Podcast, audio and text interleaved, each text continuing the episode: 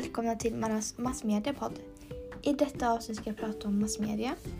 Och vad är en massmedia egentligen? Jo, det är ju all grejer som ger oss informationen. Har du någonsin undrat på hur det var i förtid?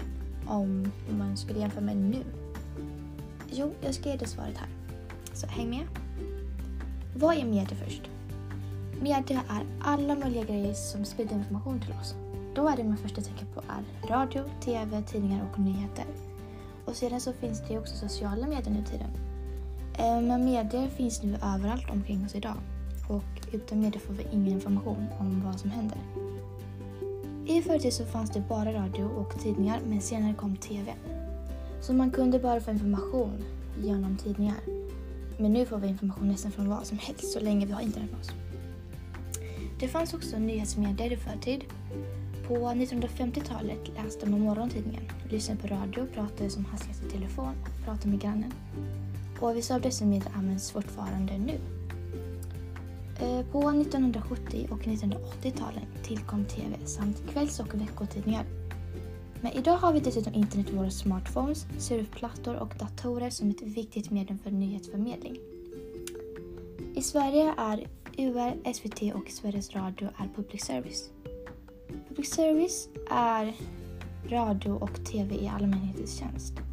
Och detta betyder att Sverige har gett de tre i uppdrag att ge folket information och underhållning. Och public service ska ha något för alla oavsett hur gammal man är och eller vilka intressen man har. Så ska det finnas något du tycker om och kan känna igen dig. Dessutom så ska vi lära oss nytt. Och detta beror på att de tre får betalt av våra skattepengar. Och det är ingen reklam som finns i public service medan de andra medierna betalas av just reklam. Public service ska också vara oberoende. Det betyder att ingen får komma och lägga sig i vad som ska sändas och vad som ska inte sändas. Men nu på många ställen i världen så är medierna styrda av politikerna som har makten och folk som borde ha inget annat val än att lyssna. Sådan information är inte oberoende utan det kallas för propaganda.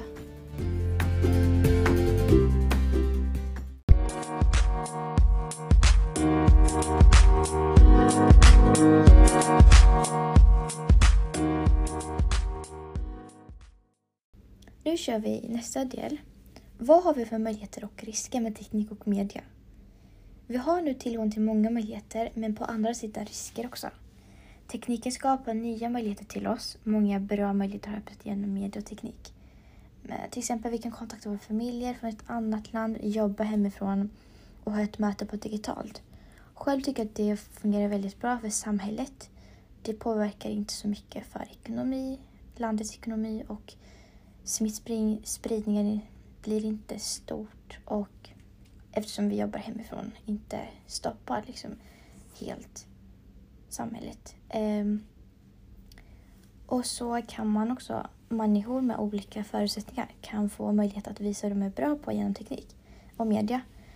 Till exempel på TikTok, som är väldigt känd just nu, så kan man dansa och göra filmer och även tjäna pengar.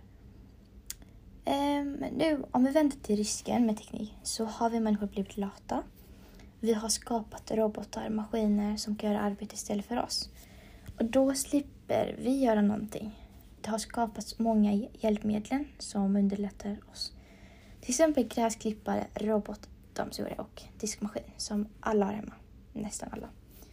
Dessa hjälper oss väldigt mycket men jag tycker ändå också att vi ska röra på oss och göra själva sådana här grejer. Um, det finns också, det händer nu mycket nätmobbning. Man trakasserar någon anonymt. Och, men det finns alltid hjälp att få. Men det är en av de riskerna som finns. Um, och nästa som jag har hittat är, jag tror alla har känt igen sig att vi har slutat vara sociala. Slutat att vara hänga med varandra.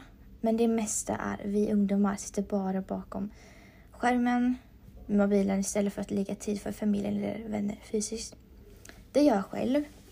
Och jag har kommit på att det finns ett stor skillnad mellan oss och ungdomar från mellan 80 och 90-talet från mina intervjuer.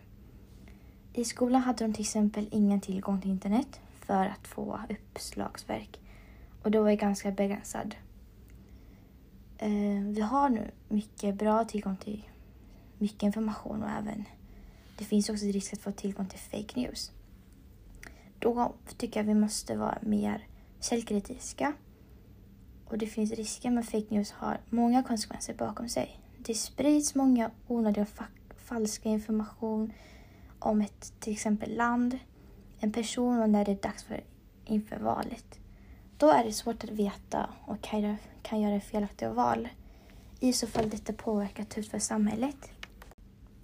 Vad är det som har påverkat utvecklingen av teknik och media och även dess konsekvenser och förändringar inom teknik och samhället? Just nu lever vi i en tid av teknik. Det 2000-talet är informationsteknologisk tid. Media har ju makt. Det tycker jag för att det påverkar på oss vad vi läser och ser. Om vi bara jämför ungdomar nu och med ungdomar i förtid. Alltså våra föräldrar eller far och föräldrar. Det finns också skillnad mellan dem. Mina föräldrar eller mina mor och farföräldrar.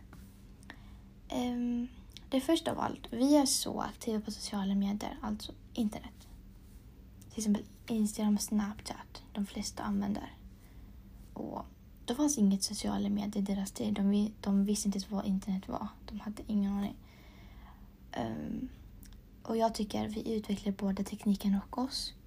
Vi människor utvecklas också efter tekniken. Vi måste utveckla oss och tänka på vad är som nästa som kommer. Till exempel robot, maskin inom teknik. Jag tycker det, vi utvecklar båda. Um, och ett resultat som de har utvecklat att vi har kommit närmare med andra länder.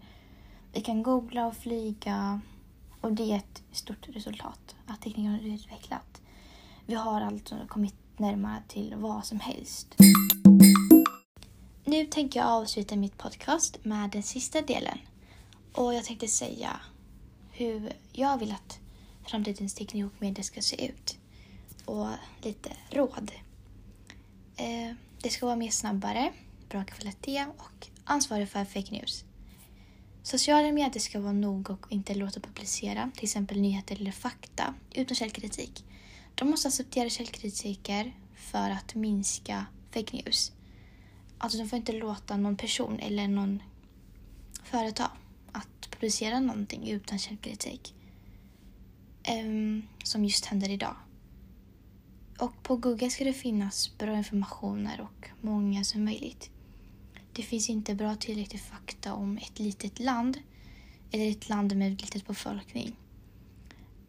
Jag försökte göra det på min skoluppgift eh, men det fanns inte mycket bra info. Så jag tänker att det ska vara mer bra i framtiden.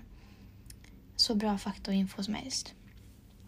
Eh, tack så mycket för att du lyssnade och ha en jättebra dag idag.